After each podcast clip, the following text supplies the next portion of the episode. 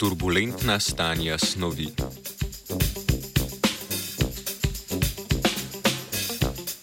Atmosferske ciklone, hitro deročo vodo in vrtinčne cigaretne dime z hidrodinamičnega vidika združuje turbulenca.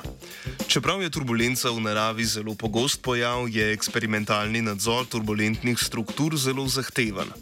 Ravno tega se je nedavno lotila mednarodna raziskovalna skupina, ki je izsledke študije objavila v reviji Nature Physics. Na spletu pa so že zaokrožili eksperimentalni posnetki očrljivih prelivanj vrtinčnih obročev.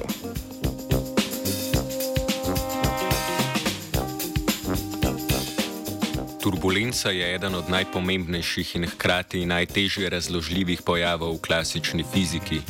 V nasprotju z laminiranim tokom, s laminarnim tokom se giblje hitro, njene tokovnice niso usporedne, temveč so usmerjene v vse smeri. Značilnosti turbulentnega toka sta nepredvidljivo kaotično gibanje snovi in nelinearnost. Slednje pomeni, da majhne motnje spontano rastejo in povzročijo velike odklone, kar pa vodi v nestabilno stanje tekočine. Značilni so tudi difuzija snovi in mešanje v vseh smereh, pojav vrtincev in disipacija energije zaradi viskoznosti snovi.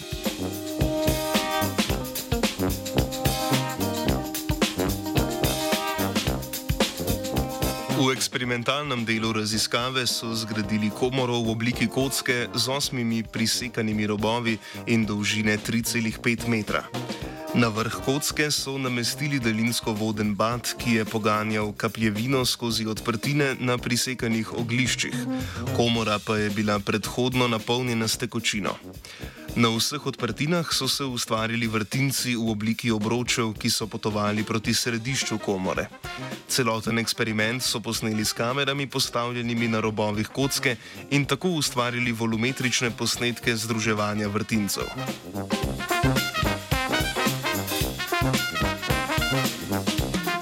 Eksperimentalna postavitev je omogočila tridimenzionalno sledenje strukturi turbulence in njenemu nastanku, prav tako pa so sledili parametrom sistema. Umirujoči kapljevini so z opisanim poskusom ustvarili nepremično in izolirano območje turbulence, ki jo sprožijo in vzdržujejo vrtinčni obroči.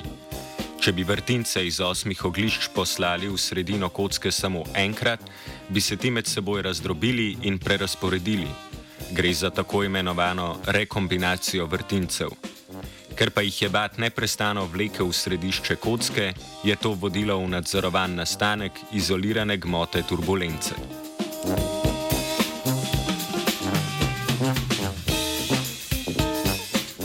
Eksperimenti so pokazali, da je velikost turbulentne gmote odvisna od velikosti obročev, njena intenzivnost pa od energije, ki jo ti imajo.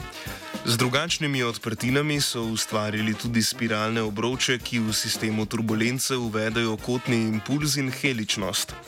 S študijo so namignili, da bi bilo turbulentno gmoto mogoče obravnavati kot novo stanje snovi, ki jo je možno nadzorovati in z njo koherentno manipulirati. Nova stanja pozdravlja Tina.